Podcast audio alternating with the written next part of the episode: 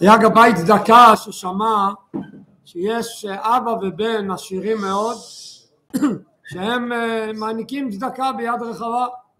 אז הוא הלך כמובן לנצל את ההזדמנות לבקש צדקה.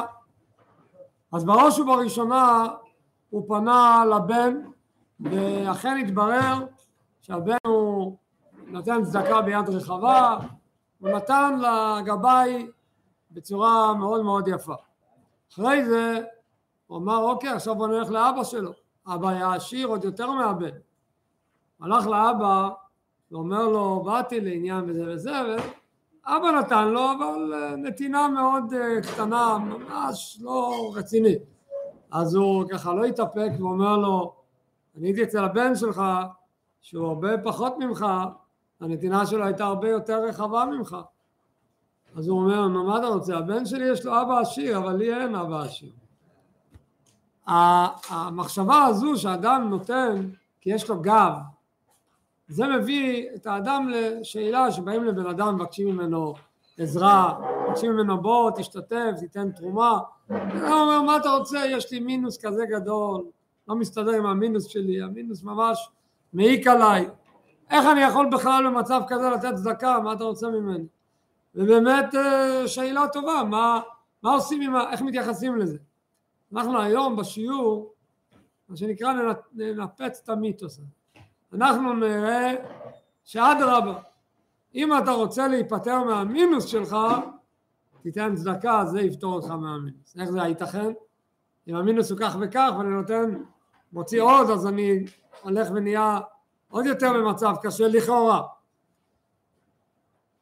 אפשר, נפתח בכמה דוגמאות ומקורות ואחר כך אנחנו ניגש ללמוד את הדברים על בסיס מה שאנחנו במסגרת שיעורי התניא לומדים את החלק הרביעי בתניא, אנחנו באיגרת הקודש, באמצע האיגרת השלישית, אבל לפני שנתחיל לקרוא מבפנים, נביא עוד אה, דוגמה מעניינת. מספרים על איזה יהודי שהסתובב, אסף צדקה, הגיע לבית של איזה עשיר גדול, מבקש ממנו תרומה, אז העשיר נתן לו משהו קטן, לא ביחס למה שהוא ציפה לקבל ממנו, והוא עוד מוסיף ואומר, תראה, אני כבר נתתי כל כך הרבה, מראה לו ערימה של אה, קבלות ומכתבי אה, הערכה שהוא קיבל רק על השנה האחרונה, אמר, אני כבר נתתי הרבה. אז הוא לא מרגיש צורך שצריך כרגע לתת עוד. אז היהודי הזה, הגבאי צדקה אומר לו, אני רוצה להגיד משהו. טוב, בסדר, מה שאתה נתת, השם יברך אותך, אני רוצה להגיד לך איזה רעיון תורני מסוים, אתה מוכן לשמוע? הוא אומר, תשמע, יש בתורה מצווה שכאשר ברוך השם יש לך עדר וצמח לך, נולדו לך בראשי בקר השנה, ברוך השם יש לך יבול טוב. יש מצווה שנקראת מעשר בהמה. אתה צריך לצאת מעשר מהבהמות שנולדו לך. מצווה. איך מקיימים את המצווה בפועל? אז יש בהלכה תהליך מסודר איך עושים את זה. חשבון כל אחד יודע, הוא יודע לספור כמה ראשי בקר יש לו, יודע להגיד כמה זה מעשר. לא מסובך לדעת כמה. אבל התורה אומרת לו אל תעשה חשבון גלובלי כמה יש לך, תעשה חשבון, יש לי, מעשר שלי זה עשר בהמות או עשרים או שלושים, לא. קח את כל הבהמות, שים אותן בתוך הדיר. תעשה פתח קטן, שמהפתח הזה יכולים לצאת בכל פעם רק בהמה אחת בלבד. תתחיל להוציא אותם דרך הפתח, יש שם גם איזה דרך, שיטה לגרום להם לרצות לצאת. והם מתחילים לצאת ואתה מתחיל לספור אותם. אחד, שניים, שלוש, ארבע, חמש, שש, שבע, שמונה, תשע, העשירי אתה מסמן אותו. זה ממשיך הלאה. אז בסופו של תהליך אתה לוקח את כל המסומנים, שזה בעצם המעשר של כל העדר, ואת זה אתה נותן. שואל אותו, למה החכמים אמרו לעשות בצורה כזו? מה הבעיה לקחת אה, עשרה. אז יש טעם פשוט על פי פשט למה לעשות את זה, כדי שאדם לא ילך ויבחר את, ה... את אלה הפחות טובים, אומרים לך תן לקדוש ברוך הוא לבחור מי יהיו המעשר, אל תתערב. זה הטעם הפשוט. אבל אותו גבאי צדקה אומר, אני, אני אגיד לך מה הרעיון. הקדוש ברוך הוא רוצה להגיד לך, תשמע, הבהמה הראשונה שלך, שנייה שלך, שלישית שלך, רביעית שלך, שמינית שלך, תשיעית שלך, אחד לקדוש ברוך הוא, הלאה, אחד שלך, שניים שלך. דהיינו להכניס לך בתודעה שבעצם תדע לך שיותר ממה שאתה נותן לקדוש ברוך הוא, הקדוש ברוך הוא נותן לך. קודם כל הוא נותן לך. נתת אחד לקדוש ברוך הוא, אבל אתה קיבל, שים לב, קיבל, אם אתה היית נותן ככה בבת אחת בלי החשבון הזה, היית מגיד, וואו, נתתי כל כך הרבה לקדוש ברוך הוא. לא, תעשה חשבון הפוך. כשאתה נותן צדקה, תדע לך שיותר ממה שאתה נותן לקדוש ברוך הוא, בנתינה הזו מתברר שבעצם הוא נותן לך. זה ההסתכלות הנכונה, זה השקפת העולם הנכונה של אדם שצריך להיות על, ה, על המצב הכלכלי שלו. במשך השנים היו הרבה יהודים שכתבו לרבי מכתבים שונים, אנחנו מכירים את כל סדרת התשובות שהרבי ענה, מודפסים בעשרות כרכי האגרות קודש של הרבי. בין המכתבים יש הרבה מאוד מכתבים שמדברים על הנושא הזה שיהודי כותב לרבי שהמצב הכלכלי שלו קשה, הוא מבקש עצה או נותן את זה, מנסה לתת רעיונות, לשאול מה לעשות. אני מביא רק דוגמה אחת או שניים מתוך מכתבים של הרבי, נראה מה הרבי נותן עצה, אומר ככה. במכתב אחד, מכתב הוא מתשי"ח, כ"א סיוון, יהודי כותב לרבי שלפי דעתו הוא לא מצליח במסחר שלו, העסק לא עובד. במילים אחרות, במילים פשוטות, הוא אומר, אין לי מזל. הוא שואל מה לעשות. כותב לו הרבי, אתה יודע מה צריך לעשות? בנוגע לענייני פרנסה ידועה עצת חז"ל מלח ממון חסר. עוד מעט נסביר מה זה המשפט. מלח ממון חסר, זאת אומרת שעליו להרבות בצדקה. אתה אומר שהמצב שלך לא טוב, שאתה בלי מזל, לא הולך לך, תן הרבה יותר צדקה. תיתן יותר צדקה, זה הפתרון שלך. זה דוגמה אחת, ניקח עוד דוגמה אחת. מכמה שנים קודם לכן, חודש אדר ראשון תשי"ד, יהודי כותב לרבי שהוא רואה שינוי בעסק שלו. העסק לא הולך, כנראה לגריעותא. ומחפש סיבות הדבר, מה הסיבה שהוא לא מצליח, ועלו בידו רעיונות. היו לו כל מיני רעיונות למה לא מצליח, והוא מציע לרבי את הרעיונות, מה נראה לו, מה הסיבה. אז הרבי אומר לו, השכל הבריא אומר, כשיש סיבה גלויה, לא מחפשים סיבות נסתרות. הנגלות לנו לבנינו. מה זה הסיבה הגלויה? מלח, רבי חוזר שוב על האמרה, מלח ממון חסר. כמו שאמרתי עוד רגע מסביר מה זה. סגולה לפרנסה זה צדקה. ואז הרבי מפרט לו ממש אליו באופן ספציפי ואומר לו מזמן קיבלת על עצמך להפריש מעשר מהעסק ועיכבת את הדבר במשך כמה חודשים. הקדוש ברוך הוא טוב, הוא נוהג איתך בחסד, אז הוא מרמז לך, הרמזים האלה שקצת העסק לא הולך, זה רמזים שהקדוש ברוך הוא שולח לך כדי להזכיר לך לקיים את ההתחייבויות שלך. וכשתקיים את ההתחייבויות שלך, הרבי מסיים, הוא אומר, מובטחני שתבוא הטבה בעסק. אין בזה ספק בכלל. היינו רואים פה בכל הגישה הזו במכתבים הללו, וזה חוזר על עצמו בין ספור מכתבים בווריאציות שונות. כשאתה רוצה שיהיה לך יותר, אז תיתן יותר. זה הפוך מההיגיון. זה היגיון אלוקי. ופעמיים פה הזכרנו במכתבים את הביטוי מלח ממון חסר, מה זה הקוד הזה? אז נראה את המשפט הזה מאיפה זה בא. המקור של המשפט זה אמרה שכתובה בגמרא. גמרא במסכת כתובות יש סיפור מבהיל, סיפור על רבי יוחנן בן זכאי, שהוא הולך יום אחד, רכב על החמור, יצא מירושלים, והתלמידים הולכים אחריו, ואז הוא פתאום עוצר, רואה איזה נערה מלקטת שעורים בין הגללים של הבהמות של הגויים. דהיינו העניות הייתה כל כך קשה, לא היה לה מה לאכול, היא חיפשה שעורים בין הגללים של הבהמות של הגויים. מצב מבהיל. עוצר רבי יוחנן, רואה כזה מצב, הוא לא יכול להמשיך הלאה. אבל עוד לפני זה היא ראתה אותו, מיד היא התכסתה לכבודו, ואז היא אומרת לו, רבי פרנסייני, רבי תן לי פרנסה, היא פשוט הייתה רעבה, לא היה לה כלום. רבי יוחנן אומר לה, ביתי, בת מי את? מי אבא שלך? מאיפה את? מאיזה בית את? לא יאומן, היא אומרת לו, אני הבת של נקדימון בן גוריון. נקדימון, נקדימון בן גוריון היה שיר עצום. אז הוא שואל אותה, איפה הלך הכסף של אבא שלך? איפה הלך הכסף של חמיך? ואז אה, אה, היא אומרת לו, מה אתה לא יודע? יש אמרה שאמרו בירושלים, מלח ממון חסר. יש גרסה אחרת במקום המילה חסר, האות האחרונה במקום ריש, ד', מלח ממון חסד. מה הפירוש של האמרה הזו מלח ממון חסר? תסתכל ברש"י. רש"י אומר משפט כזה, מלח, כמו באוכל, כשאתה שם מלח באוכל, מה המלח עושה? נותן גם טעם, נכון? ויש עוד תפקיד. המלח גורם לשמר את האוכל, כשאתה רוצה לעשות uh, מלפפונים uh, שיהיו בקופסאות שמורים במשך שנים, אבל אתה מולח אותם, כן? דגים מלוכים, מלפפון מלוח וכדומה. המלח גורם שהמאכל שאתה מולח אותו יישמר לאורך זמן. אז היא אומרת, יש אמרה, מלח ממון. מה המלח ששמים בממון?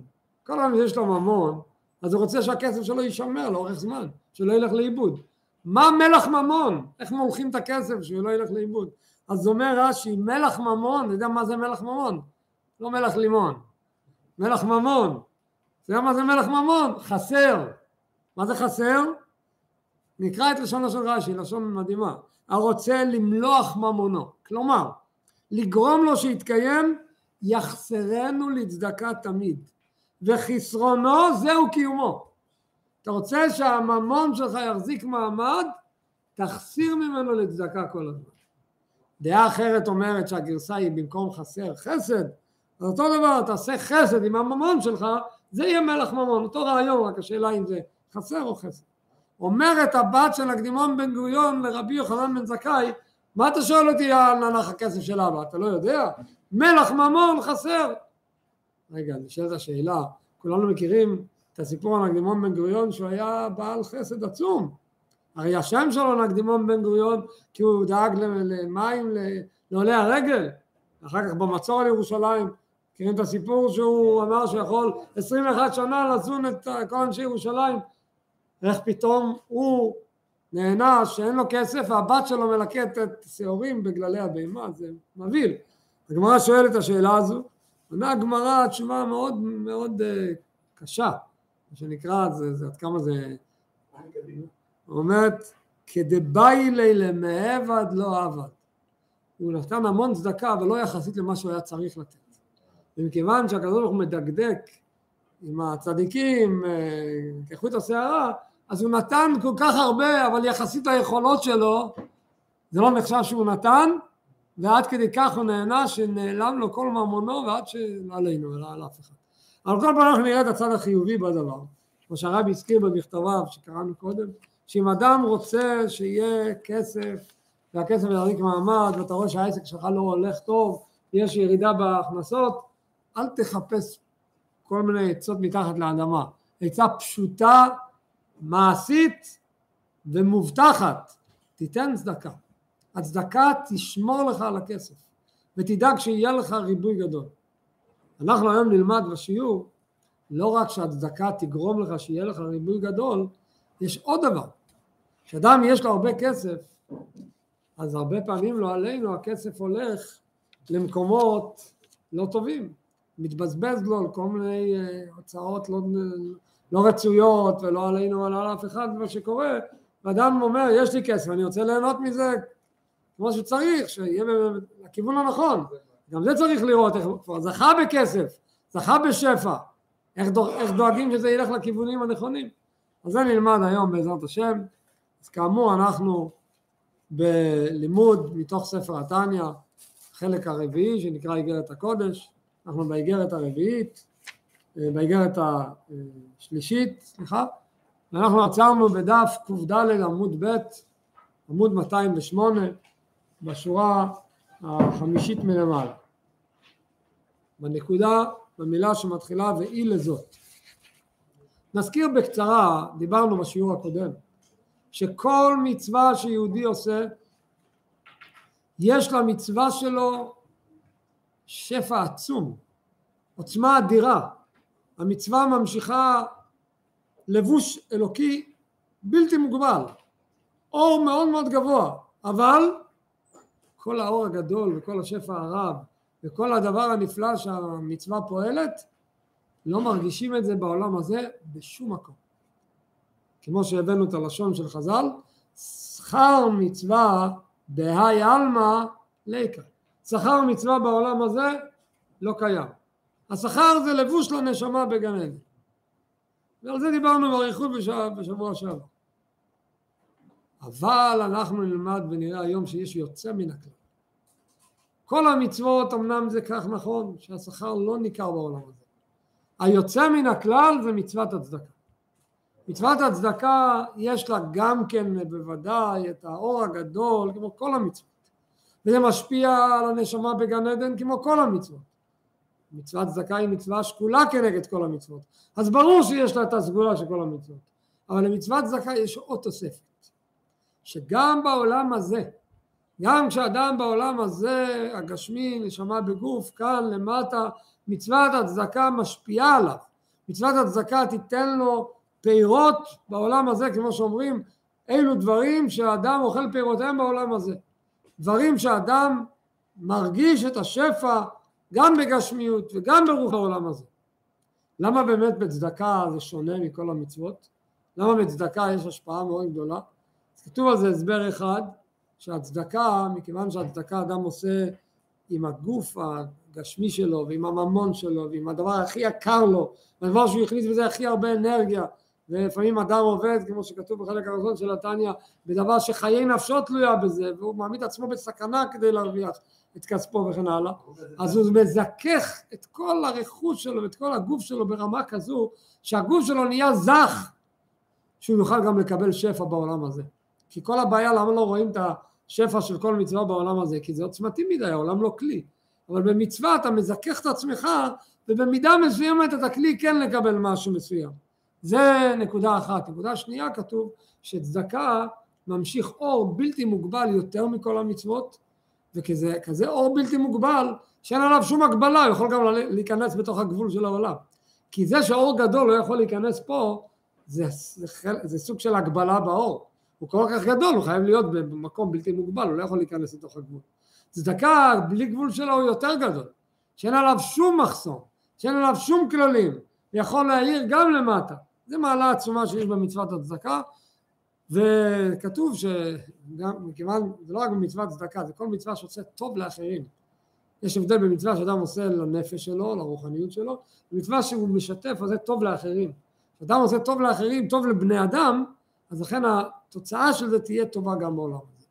עכשיו נראה פה בתניא את הלשון איך אדמו"ר הזקן אומר את זה. גם את הנקודה שהצדקה יש לה היכר בעולם הזה וגם בעיקר איך רואים בצדקה שזה שומר שההשפעה לא תלך למקומות חלילה לא טוב. נראה את לשון התניא. אומר ככה. אומר והיא לזאת. והיא לזאת אומר. במעשה הצדקה וגמילות חסדים. מה מיוחד במעשה הצדקה וגמילות חסדים?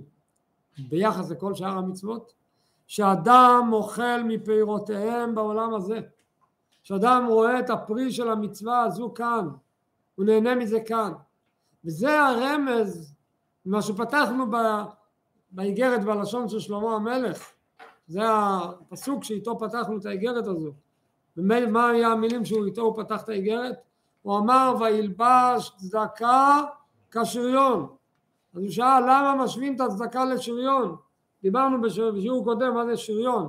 זה בגד שיש לו שתי דברים הפכים, מצד אחד יש לו נקבים נקבים, עיגולים עיגולים עם נקבים ומחברים עיגול לעיגול, טבעת לטבעת וזה יוצר את כל השריון. אבל לא משאירים את העיגולים, את הנקבים גלויים. על כל נקב שמים כיסוי כדי שחלילה לא ייכנס חץ מהנקבים. זה בגשמיות. למה, דיברנו על זה בשיעור קודם, למה מייצרים את השריון עם עם טבעות, עם נקבים, למה לא לעשות את זה גוש אחד סגור? אז אמרנו הסיבה היא מכיוון שאנחנו רוצים שמתי שהלוחם נמצא עם השריון, שיהיה לו אוויר, שיהיה לו, שהגוף שלו ינשום, שיהיה מאיפה שייכנס אוויר לגוף שלו. זה הסיבה הגשמית על השריון. אומר הפסוק וילבש צדקה כשריון. צדקה זה כמו שריון, מה זה אומר? הלבוש, כל מצווה זה לבוש. הלבוש של הצדקה הוא לבוש שיש נקבים. כמו הנקבים שבשריון זה להכניס אוויר, שהגוף הגשמי שלו יקבל אוויר מבחוץ, בצדקה זה אותו דבר. יש בו נקבים שהשפע ייכנס לגוף שלו, שהגוף הגשמי שלו יספוג גם כן את השפע שהמצווה הזו פועלת, ולכן יהיה לו פירות בעולם הזה, זה השריון. יש נקבים, הוא אומר בתניא. על דרך משל, איפה הנקבים נמצאים? כמו בשריון, ככה בנמשל, איפה זה נמצא? בלבוש העליון. מה זה הלבוש העליון? הלבוש המקיף על גופה. כמו בגשמיות השריון מקיף את הגוף של הלוחם, ככה המצווה מקיפה את הגוף העליון. מה זה הגוף העליון? מה זה הגוף העליון? הבאנו מפתח אליהו, שכתוב שמה, שמה זה גופה? זה העשר ספירות נקראים גופה, חסד רוע ימינה, גבורה דרוע שמאלה, זה גוף שלם. כל העשר ספירות זה מבנה של גוף. הגוף הזה, העשר ספירות הללו, זה הצינורות שדרכם יורד השפע של הבורא לעולם. האור יורד בצורה מצומצמת מספירה לספירה ומצטמצם מעולם לעולם עד שזה יורד לעולם הגשמי. על הגופה, על הספירות, זאת אומרת על ההשפעה המדודה, המסודרת, המצומצמת, דרך הצינורות המקובלים, יש לבוש עוטף על הגופה. זה כל מצווה עושה לבוש, אבל כל מצווה עושה לבוש וזה נשאר לבוש בגן עדן. אבל בצדקה זה לבוש עם נקבים, שמה זה פועל שזה ירד גם למטה בגוף בעולמות העליונים עד לגוף הגשמי של האדם. המקיף על גופה הם הכלים דיו צפירות, להאיר מהם ולהשפיע אור ושפע. למה זה צריך לעבור דרך הגופה? למה זה צריך לעבור דרך העשר ספירות? כי ההשפעות מתלבשים בצורה מסוימת. איך השפע ירד? זה לא שפע מופשט. זה שפע שיש לו שם, כינוי, צורה. אז יש שפע מחסד, יש שפע מגבורה, ויש שפע מתפארת. אז כל המצוות שאתה עושה, השפע יורד לספירות, אבל זה נשאר בספירות, זה נשאר בגן עדן. פה השפע ירד עד לעולם הזה. להאיר מהם, השפע הזה שיורד דרך המצווה של צדקה, שזה עוטף את הגופה, יש נקבים, והנקבים האלה גורמים שהשפע ירד דרך הספירות, ויעיר על האדם למטה והוא מביא כמה דוגמאות. ולהשפיע אור ושפע איזה אור ושפע יהיה? זה מפרט. מחסד מספירת החסד. שהספירת החסד נקרא בפתח אליהו דרוע ימינה מה השפע שירד מהחסד? אורך ימים בעולם הזה הגשמי. פשוט אריכות ימים. אתה נותן צדקה יהיה לך אורך ימים.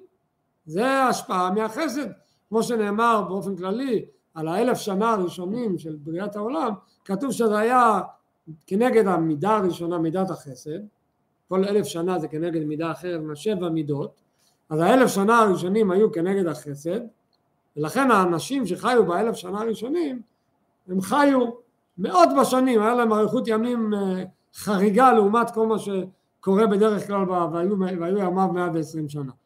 אז תמצית מהחסד נמשך בכל השנים לנותן צדקה, נמשך לאורך ימים בעולם הזה. זה דוגמה מחסד.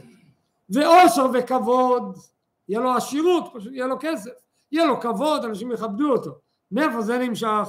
מדרוע שמאלה, זה יורד מה, מה, מהזרוע השמאל. וכן בתפארת, יהיה לו פאר גב מתפארת, וכן עוד והדר וחדווה כל מידה ומידה נותנת בדיוק את מה שהיא משפיעה למטה. עכשיו ההשפעות הללו מצד אחד זה השפעות גשמיות אבל זה השפעות גשמיות שניכר בהן אין סוף.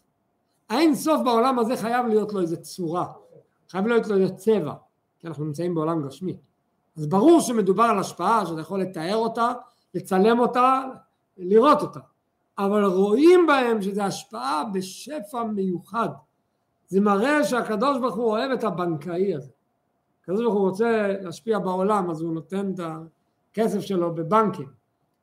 והבנקים זה היהודי שיש לו שפע וכשהוא עושה עם הכסף שהוא צריך לקבל את מה שהקדוש ברוך הוא רוצה, נותן צדקה, אז הקדוש ברוך הוא אומר זה בנק טוב, הוא עושה מה שצריך, ממשיך להפקיד אצלו. רואים שיש אצלו השפעות מאוד מאוד מרובות. אז הביטוי של ההשפעה המרובה הזו, זה מצד אחד מתבטא במשהו גשמי, אבל רואים בזה משהו רוחני. אפשר לקחת דוגמה לדבר, שהשפעה אלוקית שבאה לידי ביטוי בדבר גשמי, אפשר לקחת דוגמה אחת שכתוב בתורה על המן, ירד מן במדבר, כן? פרשת השבוע, פרשת עקב, ויענך ויריבך ויאכלך את המן. מן זה שפע מן השמיים. והשפע מן השמיים הוא היה לחם מן השמיים, ככה הוא נקרא, גם בירכו עליו לחם מן השמיים.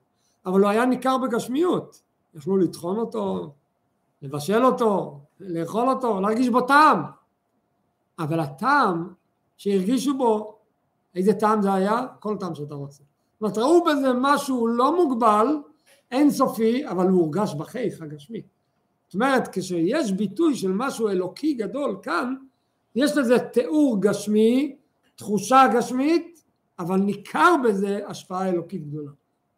דוגמה נוספת מופיעה בחסידות, יש ביטוי שכתוב על uh, הערים פה בארץ, התורה מתארת שזה ערים גדולות ובצורות בשמיים. אז כתוב ברש"י מהגמרא הוא מביא שדיברו הכתובים דרך הוואי, התורה מדברת בדרך גוזמה. אז בפשט שקוראים לזה אומרים טוב התורה ככה השתפכה בהגזמה אבל זה לא באמת מדובר בערים אה, גבוהים עד השמיים רק זה גוזמה. אבל מבואר בחסידות, הופיע בשם הרמה מפנו, שזה לא גוזמה זה אמיתי.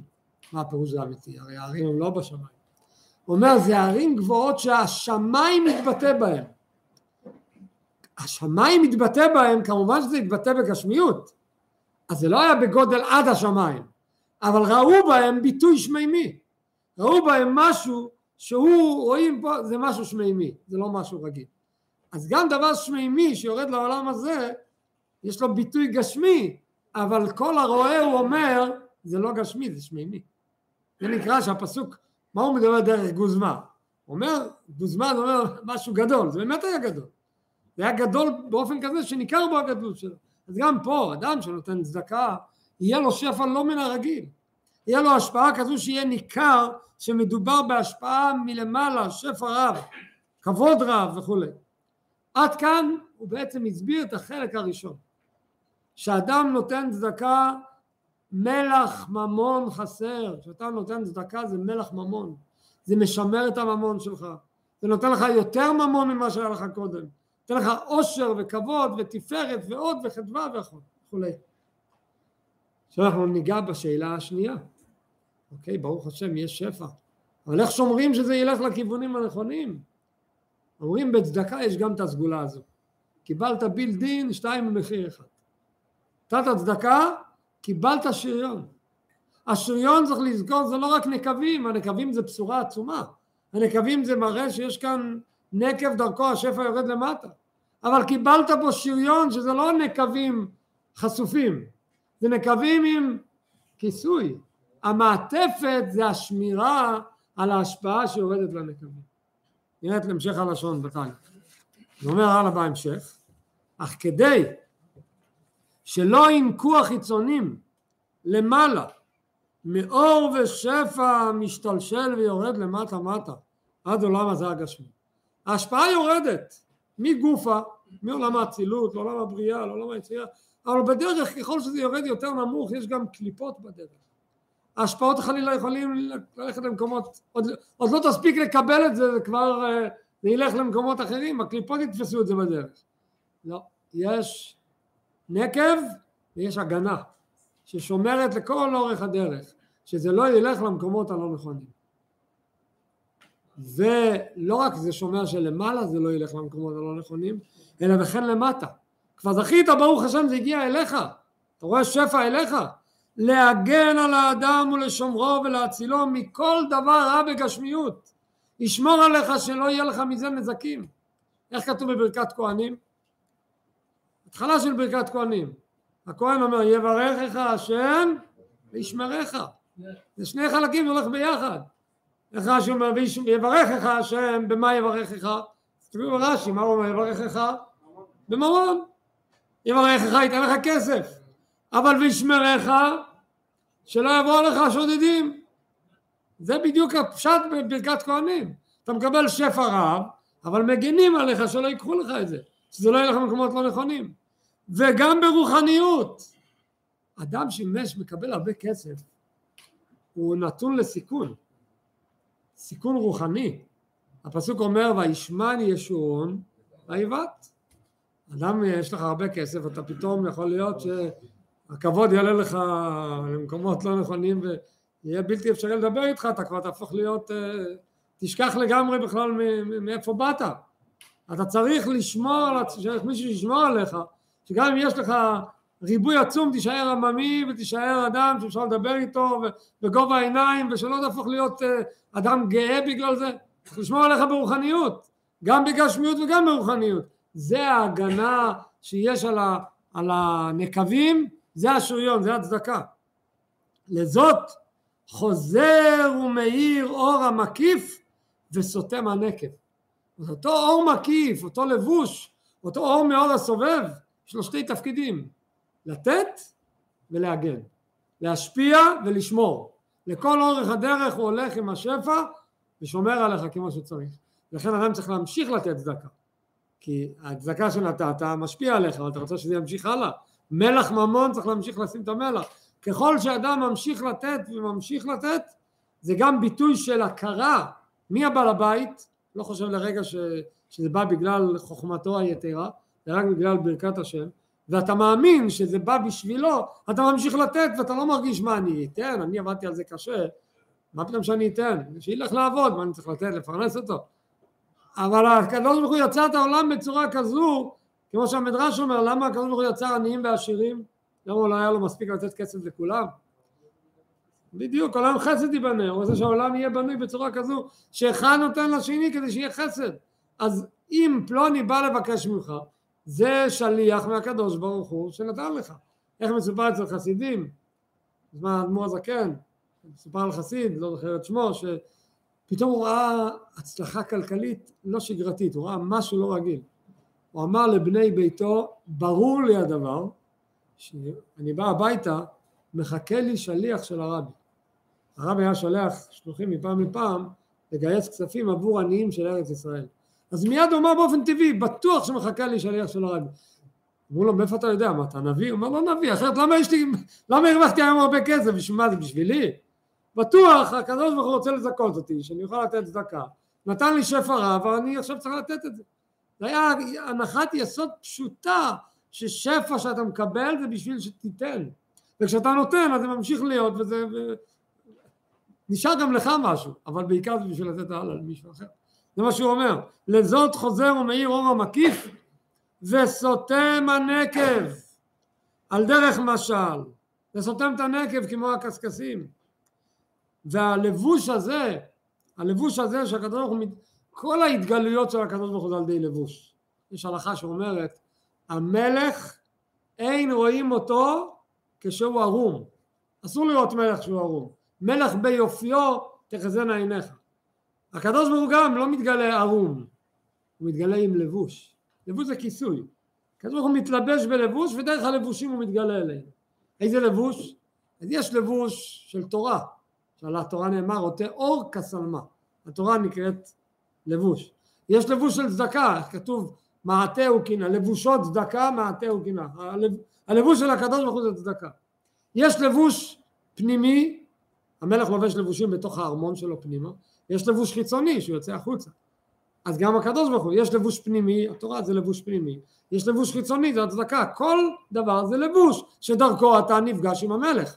זה הלבוש הזה שהוא נותן לך ודרכו אתה מקבל והוא גם שומר עליך. כי הוא מבחינת אין סוף וסובב כל העלמין כנ"ל. זה המתנה הנפלאה שיש באור הזה, האור האלוקי, אור הסובב.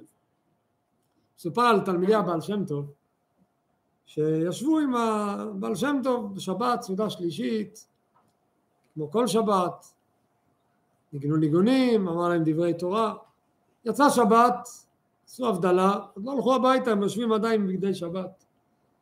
ואז נכנסה במוצאי שבת, נכנסה אישה לבית המדרש, עולה לבעל שם טוב ומבקשת רבי אני נמצאת במצב קשה, אני חייבת 300 רובל. זה משהו שהיא חייבת, כולם בבגדי שבת, כולנו לובשים בבגדי שבת עדיין. אומר הבעל שם טוב לתלמידים שלו, נו, תנו לה. תלמידים כבר היו מורגלים שאצל הבעל שם טוב קוראים אה, דברים לא על פי טבע, אז באופן טבעי הבעל שם טוב נתנו לה, התלמידים הכניסו יד לכיס, וכל אחד הוציא מהכיס מטבעות שהיה בכיס. לא היה להם בשבת מטבעות בכיס. כל אחד הוציא מטבעות ומכולם נאספו 300 רובל ונתנו לה. אחרי שהסיפור נגמר והבעל שם טוב הלך, ישבו התלמידים בינם לבין עצמם והתוועדו ודיברו והתחילו ככה לחשוב מה, איך אנחנו מה, מדייקים, מה היה הנס הגדול כאן שהתרחש, חווינו כרגע נס, מה היה הנס? אז כל אחד העלה סברה מה היה הנס. אחד אמר, הנס הוא שמצאנו כסף בכיסים, זה לא על פי טבע, זה כמו שאומרים באופן טבעי, זה הספונטני, זה הנס.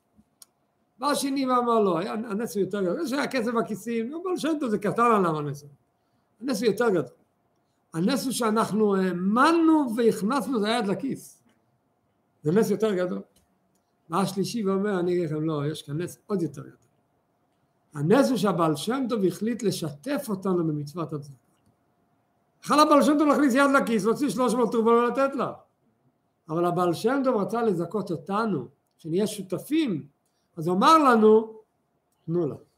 זאת אומרת שמזכים אותך ומזדמן לידך לתת צדקה, תדע לך שזה מתנה. הקדוש ברוך הוא עכשיו זיכה אותך במתנה ועושה אותך שותף שלו לפרנס מישהו. הוא נותן לו את הפרנסה, לא אתה. אבל הוא זיכי, זיכית, הוא זיכה אותך, זכית שאתה היד הארוכה שלו. אז כל פעם שיש לנו הזדמנות להיות היד הארוכה שלו, צריך להגיד לו תודה רבה שזיכית אותי, שאני יכול עכשיו לתת צדקה, זה פשוט מתנה, הזדמנות לתת צדקה. עכשיו הוא מסיים את האיגרת ואומר, וזהו שאמרו חז"ל, עכשיו אנחנו נבין מה שחז"ל אומרים זה הבאנו בתחילת האיגרת את הלשון, כמו בשריון, מה שריון זה כל אה, קליפה וקליפה מצטרפת לשריון גדול, גם בצדקה כל פרוטה ופרוטה מצטרפת לחשבון גדול. שאלנו, שיעור קודם, מה המסקנה הזו שכל פרוטה ופרוטה מצטרפת לחשבון גדול זה כל אחד מבין לבד, לא צריך בשביל זה משל. אומרת, יש משמעות למשפט הזה. מה פירוש מצטרפת לחשבון גדול? לא הפשט הפשוט שיש הרבה, חשבון גדול הרבה מטבעות, אומר לא. וזהו שאמרו רז"ל מצטרפת לחשבון גדול. כשאתה נותן צדקה, אז נהיה כאן צירוף, חיבור לחשבון גדול. אתה מתחבר לגדול. מי זה הגדול? לגדול דייקה. מי זה הגדול? כי גדול השם ומהולל מאוד. משפט שאנחנו מכירים, אומרים את זה בכל יום בתחילת התפילה, בהודו. איפה כתוב? כי גדול השם ומהולל מאוד, איפה זה כתוב?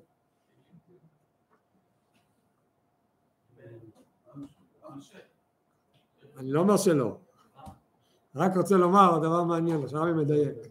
הפסוק הזה מופיע שלוש פעמים בתהילים ופעם אחת בספר דברי הימים. בכל פעם הפסוק מופיע עם שינוי. הרב אומר כאן מתכוון אדמו"ר הזקן לפסוק בדברי הימים. אותו פסוק שאנחנו אומרים בהודו כל יום. מה ההבדלים בפסוקים? אני אומר ככה, מקום אחד בתהילים כתוב גדול השם ומולל מאוד, זה באשרי מה שאמרת, מה כתוב? גדול השם ומולל מאוד, מה ההמשך? ולגדולתו אין חקר, זה הפסוק הראשון. מקום השני כתוב גם בתהילים, גדול השם ומולל מאוד, בעיר אלוקינו הר קודשו. מקום השלישי גם בתהילים כתוב כי גדול השם ומהולל מאוד נורא הוא על כל אלוקים. מקום הרביעי כתוב בדברי הימים עם הבדל של אות אחת ביחס למקום השלישי כי גדול השם ומהולל מאוד ונורא הוא על כל אלוקים. לאיזה מהם מתכוון אדמו"ר הזקן? זה מתחיל איך אנחנו מסתכלים בתניא על המילה כי אפשר לקרוא את התניא ולהגיד וזהו שאמרו רז"ל מצרפת לחשבון גדול דייקה כי כי כאילו זה המילה של אדמו"ר הזקן ואז הוא מביא את הלשון כי גדול השם ומהולל מאוד אז הרב אומר קודם כל המילה כי זה חלק מהפסוק אז כבר הורדנו פה את שני הפסוקים הראשונים. שבשני הפסוקים הראשונים לא כתוב כי, בשני הפסוקים הראשונים כתוב גדול השם בלי כי. רק בשניים האחרונים כתוב כי. אז קודם כל זה לשון הפסוק, אבל מה זה נפקא מינה, מאיזה פסוק אנחנו מדברים? כלומר, אני מדייק בפסוקים, בכל פסוק מדבר על דרגה אחרת באלוקות. הפסוק הראשון מדבר על עצמות האור, כתוב גדול השם המהולל מאוד ולגדולתו אין חקר. מדובר על עצמות האור, זה משהו מאוד מאוד נעלה. הפסוק השני מדבר על הכי דרגה הכי נמוכה. גדול השם המהולל מאוד, איפה? בעיר אלוקינו. עיר אלוקינו זה כינוי לאור הממלא כל העולם. הפסוק השלישי ובמיוחד הרביעי כתוב כי גדול השם המהולל מאוד ונורא הוא על כל אלוקים. לאור הסובב כל העולם. ביחס לשם אלוקים הוא ונורא הוא על כל אלוקים, זה היינו הוא, הוא מעל הממלא, הוא הסובב. אדמו"ר זקן מתכוון לפסוק הזה. דהיינו אדמו"ר זקן רוצה להדגיש לנו שאדם מביא צדקה תדע לך כל פרוטה, פרוטה מצטרפת לאן? לחשבון גדול, מה זה הגדול? כי גדול השם הוא מהולל מאוד ונורא הוא על כל אלוקים. אתה מתחבר לאור הסובב כל העלמין, הגדול הזה, מה הגדול הזה עושה לך? נותן לך שפע ומגן עליך, שהשפע ילך למקום הנכון. זו המתנה הגדולה שיש בנתינת צדקה, שאין אותה במשהו אחר. מסיים ואומר, אך מי הוא הגורם לירידת האור והשפע לעולם הזה הגשמי? מי הוא צפירות הנקראים גופה? מי גורם שהשפע באמת ירד פה למטה וירד דרך העשר ספירות, כמו שאמרנו קודם, שיהיה אורך ימים, שיהיה אושר וכבוד, שהשפע ירד דרך הספירות, הוא הייחוד הנעל. מה זה הייחוד הנעל? דיברנו בשיעור הקודם. יש ייחוד קודשא בריחו ושכינתי. האור שלמעלה עם האור הפנימי. הייחוד הנ"ל גורם שהשפע ירד עד למטה מטה. שהיא תוספת הערה והשפעה מבחינת אור אינסוף המאציל העליון ברוך הוא ביתר שאת על ההערה וההשפעה שבתחילת האצילות וההשתלשלות. זאת אומרת כמה שפע שהבורא יעד לעולם בצורה מדודה ביחס לצדקה שלך הוא ייתן הרבה יותר. תקבל שפע יותר ממה שהיה מתוכנן. הנתינה שלך תשפיע עוצמה אדירה. מה הסיום של הפסוק? כתוב, הפסוק פותח ב... אה, וילבש צדקה כשריון וכובע ישועה בראשו. מה זה כובע ישועה בראשו? עכשיו הוא מסיים את הסוף, נגיד בעל פה את הרעיון ואז נקרא בפנים. הוא אומר ההשפעה שיורדת כתוצאה מהצדקה, איפה מתחילה, איפה תחנה ראשונה? התחנה הראשונה זה בראשו, בראש, בראש הספירות. מהו ראש הספירות? מהי הספירה הראשונה? ספירת החוכמה. בספירת החוכמה יימשך השפע, תחנה ראשונה. והשפע הזה נקרא ישועה. למה זה נקרא ישועה? מה פירוש המילה ישועה? יש לנו בתורה את הביטוי, שורש המילה ישועה, בסיפור עם קין והבל, שכתוב שמה שהקדוש ברוך הוא פנה להבל וישע השם אל הבל ולמנחתו. מה זה וישע השם? פנה. כשבאים ואומרים הוא פנה, זה בא ואומר הוא לא נתן השפעה מסוימת קטנה. כל כולו פנה. וישע השם אל הבל ולמנחתו כל כולו פנה. כשהקדוש ברוך הוא נותן ישועה לאדם, הוא מקבל את כל כולו של הבורא. מזכיר את הסיפור עם הרבי הצמח צדק שהיה ילד קטן. גדל אצל הסבא, אצל אדמו"ר הזקן, אימא שלו הסתלקה, מסרה את הנפש עבור האבא, סיפור שלם בפני עצמו. והילד הקטן גדל אצל סבא, ויש כל מיני סיפורים יפים איך הילד, הסבא השתעשע עם הילד, שבא לתניא, אדמו"ר הזקן השתעשע עם הרב עצמו צדק, שהיה אצל ילד קטן. אחת הפעמים פנה הילד הקטן לסבא בפנייה הטבעית, סבא. אז אדמו"ר הזקן התחיל ככה, שואל אותו שאלות. מי זה סבא? אז הוא הצביע לו על האף. אז הוא אומר, זה האף של סבא, אבל איפה סבא? הצביע לו על הגוף, זה הגוף של סבא, אבל איפה סבא? ככה כל מה שהוא מנסה הוא... קיצור השאיר אותו בלי מענה, הילד כאילו נשאר בלי מענה והלך. אבל הוא הלך והוא רוצה בסופו של דבר לגלות מי זה סבא.